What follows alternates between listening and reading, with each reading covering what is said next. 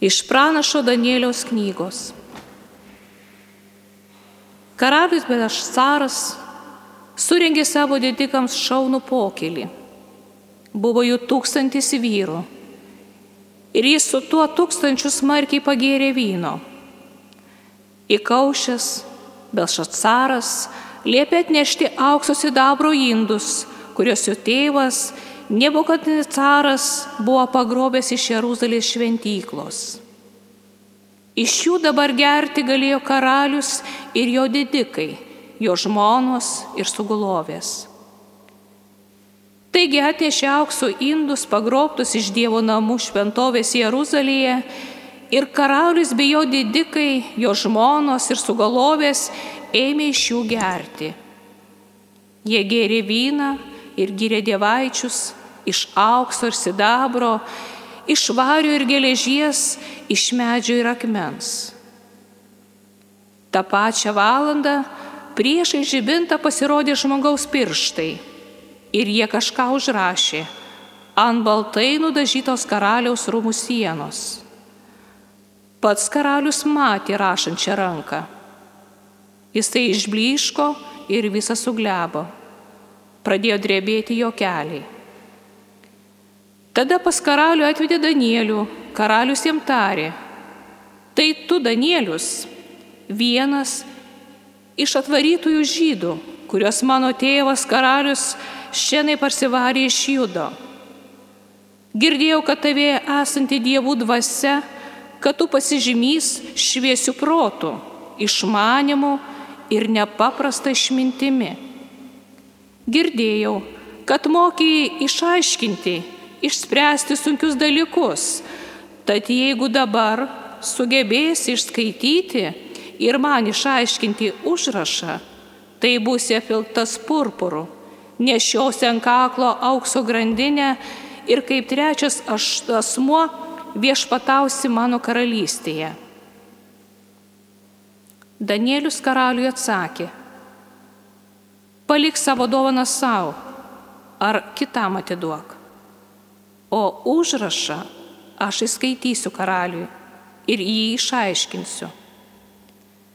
Tu pakilai prieš dangaus viešpati, atgabinai indus iš jos šventyklos. Iš jų tu pats ir tavo didikai, tavo žmonos ir sugalovės gėrėte vyną. Tu gyrė auksinius, sidabrinius, varinius, geležinius, medinius ir akmeninius dievaičius kurie nei regėti, nei girdėti negali ir proto neturi. O Dievo, kuris savo rankose laiko tavo gyvybę, kuriam priklauso tavieji keliai, tu nepagarbinai. Todėl jis tau pasiuntė šitą ranką ir užrašydino šitą užrašą. O įrašas skamba. Mene, mene, tekel ir parsin. Tie žodžiai reiškia, mene, suskaitė Dievas tavo viešpatavimo dienas ir padarys jam galą. Tekel, parsvėrė jis tave svarstyklėmis ir rado per lengvą. Parsin dalyjama tavo karalystė ir atiduodama medams ir persams. Tai Dievo žodis. Dėkojame Dievui.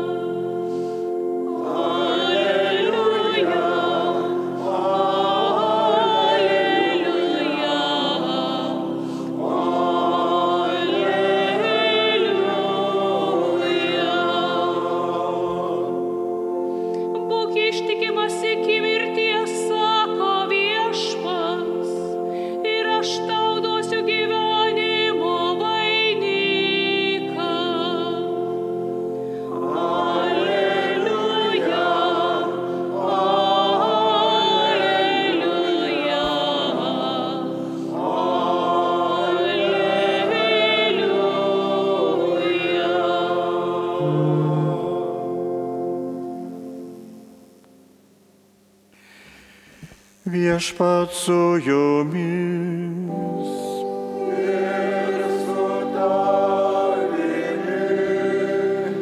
Iš Šventojios Evangelijos pagal Luką.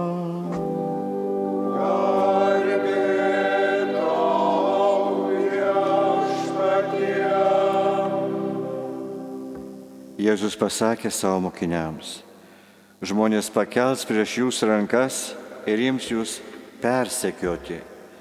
Dėl mano vardo tasys jūs po sinagogas ir kalėjimus, vedžios pas karalius ir valdytojus. Tada jums bus proga liūdėti. Taigi įsidėkite savo širdis ir iš anksto negalvokite, kaip ginsitės. Aš jums duosiu tokios iškalbos bei išminties, kad negalės nei atsispirti, nei prieštarauti visi jūsų priešininkai. Jūs išdavinės tėvai, broliai, giminės ir draugai, kai kuriuos netgi žudys. Visi jūsų neteks dėl mano vardo, vis, ne, nekes jų dėl mano vardo. Vis dėlto ne vienas plaukas nuo jūsų galvos nenukris. Savo ištvermę jūs įsaugosite savo gyvybę. Tai viešpatie žodis.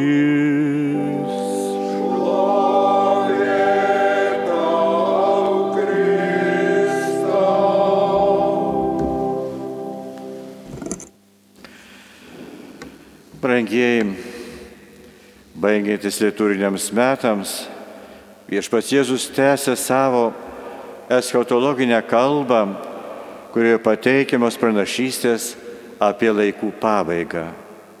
Šį kartą pranašystė atrodo dar labiau neraminanti. Būsimas Jėzaus mokinių persekiojimas dėl jo vardo. Ankstyvoje krikščionių bendruomenėje tai įvyko netrukus po šventosios dvasios nužengimo ant apaštalų, kaip ir pranašavo viešpats. Jie veikė Jėzaus vardu, be baimės, nepaisydami įkalinimo patyčių, niekas jų nesustabdė. Jie karštai meldėsi ir gavo šventosios dvasios galę. Pirmasis kankinys Steponas tarp žmonių darė didelius stebuklus ir ženklus skaitome paštų darbuose, o tie, kurie jo klausėsi, negalėjo atsispirti išminčiai ir dvasiai, kurią jis kalbėjo. Viskas įsipildė, kaip Jėzus buvo išpranašavęs, nes šie mokiniai labai juo pasitikėjo ir sielų išgelbimą vertino labiau už savo gyvybę. Apašų darbuose skaitome, kad jie džiaugiasi ir džiūgavo, kad tapo verti kentėti dėl Jėzaus vardo. Iš tikrųjų, apaštų persikėjimas skelbant Evangeliją buvo Dievo jau pramatytas, kad tokiu būdu jo žinia pasiektų daugybę vyrų ir moterų. Apaštų darbuose toliau skaitome, Dievo žodis plito ir mokinių Jeruzalėje labai padaugėjo. Mūsų stebina pirmųjų krikščionių atkaklumas, kuriuo jie išgelbėjo ne tik savo, bet ir tūkstančių kitų žmonių sielas. Tačiau bažnyčios persekiojimai nenutruko per amžius. Tai jos gyvybingumo, jos amžinos jaunystės ženklas. Net ir šiandien Jėzus ir jo dvasia gaivina daugelį krikščionių sielas, kurie nebijo atiduoti gyvybės už Evangeliją, meldžiačių savo persekiotojus, nes juos myli ir jiems atleidžia, būdami ištikimi Jėzaus žodžiams ir pavyzdžiui. Mylėkite savo priešus ir melskite už tuos, kurie jūs persekiojama. Arba tėve atleisk jiems, nes jie nežino, ką daro. Štai ką darė Steponas prieš jį užmušant akmenėmis. Viešpatė, neskaityk jiems šios nuodėmės. Tokios pat maldos, atleidimo ir atkaklumo darant gerą mums reikia ir kasdienėme gyvenime, kai susidurime su tais, kurie regis priešinasi bažnyčios misijai. Šiandienos Evangelijoje minimi išbandymai yra gera proga liūdyti tikėjimą. Šiandien mūsų pasauliui, kaip ir visais laikais, to reikia. Kažkas yra pasakęs, kad krikščionis, kuris liūdija, yra nukryžiuotas o krikščionis, kuris neliudija, jau yra miręs. Tai reiškia, kad tikras krikščionis visada yra gyvenimo liudytojas.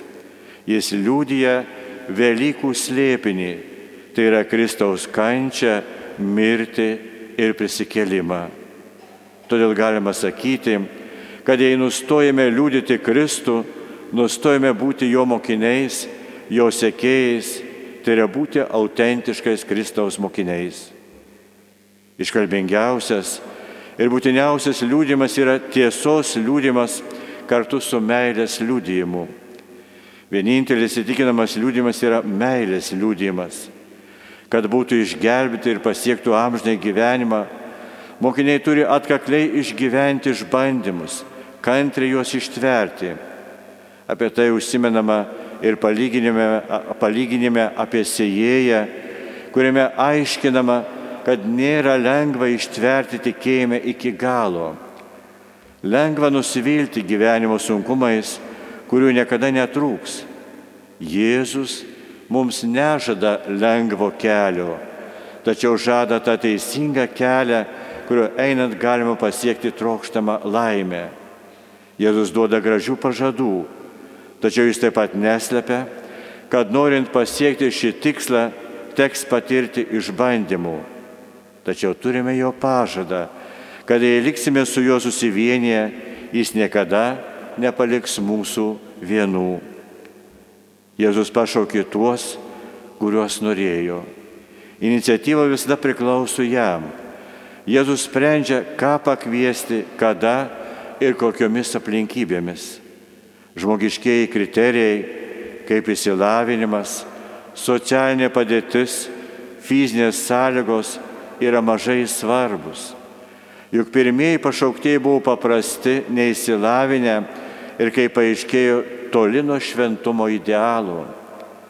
Pašaukimas į artimą ryšį su Jėzumi vyksta ne abstrakčiai, bet kasdienime gyvenime tarp jų sudarančių žmonių kas buvo bendra šiems vyrams. Be abejo, Jėzus žvelgia į jų širdis, galinčias didžiai pasiaukoti, nes būdami žmonių žvėjai, gerosios naujienos apaštai, jie atiduos gyvybę už savo mokytoją ir už tai, kam jis juos pašaukė. Pašaukimo į Dievo tarnystę kriterijai išlieka tie patys ir šiandien. Ar šiandien mūsų širdis yra pasiryžusios didžiai aukotis, taip kaip pirmieji mokiniai pirmaisiais amžiais? Taip, šiandien mes turime ir savo tautoje daug šventų vyrų ir moterų, kurie neįsigynė tikėjimo, buvo nužudyti, kentė ištremti, kentė kančia ištremti Sibiro tolybėse. Prisiminkime, kad ir mūsų palaimintai vyskupą Teofilį Matulionį, kuris buvo nunuodėtas 1962 metais, rūpiučio 20 dieną, už tikėjimą, už bažnyčią kovojo. Prisiminkime taip pat 1981 metais, lapkričio 24 dieną Vilniuje po sunkvežimio ratais buvo pastumtas ir nužudytas kunigas Bronius Laurinavičius, nesiniai paminėjome jo žūties 42 metinės. Prisiminkime taip pat 1986 metais vasario 5 dieną, kaip žuvo autoavarijoje kunigas Juozas Zdebskis ir daugelis kitų kunigų, o kiek pers, patyrė persekėjimų. Ir kardinolas Kauno arkiviskupijos emeritas Sigitas Tamkevičius, Nijolė Sadūnaitė, tėvas Pranciškonas Julius Sasnauskas, amžinatis kunigas Algymantas Keina, amžinatis mansijoras Alfonsas Svarinskas ir daugelis kitų, daugelis kitų, kurių vardai nesurašyti. Jie liūdėjo tikėjimą, jie neįsigando persekimų. Prisiminkime taip pat ir mūsų Lietuvos suvalkijos moterį Anelė Matėjo Šaitinę iš Akių rajono Suodžių kaimo Keturnaudoje, kaip jinai gynė tikėjimą, neįsižadėjo viešpaties, neįsigynė. Tai, ką jinai regėjo, matė, pasakė, tai buvo tiesa. Prieš 54 metus jai pasirodė Jėzus Kristus ir Marija ir pasakė, kad ta, ši, ši, ši, ši vieta bus šventa, čia bus pastatyta bažnyčia, bet tave persekios, nugriausta namelį, čia bus asfaltas. Jis neįsigynė. Buvo eilinė kaimo moteris, kaip ir melžė karves, dirbo fermoje. Ir tikrai tai vyko 69 metais, lapkričio 14 dieną, o gruodžio 18 dieną jau ją išveža į psichiatrinę ligonę žvirgždžiuose, paguldo į beprotnamį. Sovietinis saugumas įsako jai duoti vaistų, didinti dozes vieną po kitos. Tačiau jai nieko neatsitiko. Jis liko sveika, kokia ir buvo. Ir daktarai ją nusuglumę išleidžia. To, to nepasibaigė viskas. Siūlė jai daug pinigų, siūlė namą, išeik iš čia. Pasakyk, kad čia nieko nebuvo, tu nieko nematai. Išardyk tos altorėlius, tas žvakes. Jis laikėsi iki galo. Galų gale saugumo KGB nusprendžia ją nužudyti 82 metais atsiunčia iš Rusijos specialų žudiką profesionalą, bet ir tai nepavyksta. Po kelių mėne, me, savaičių jinai mato to vyro vėlę, kuris ateina pas ją ir, jinai, ir sako, aš esu nužudęs septynių žmonės ir už tai man reikia nešioti gėdulą iki pasaulio pabaigos.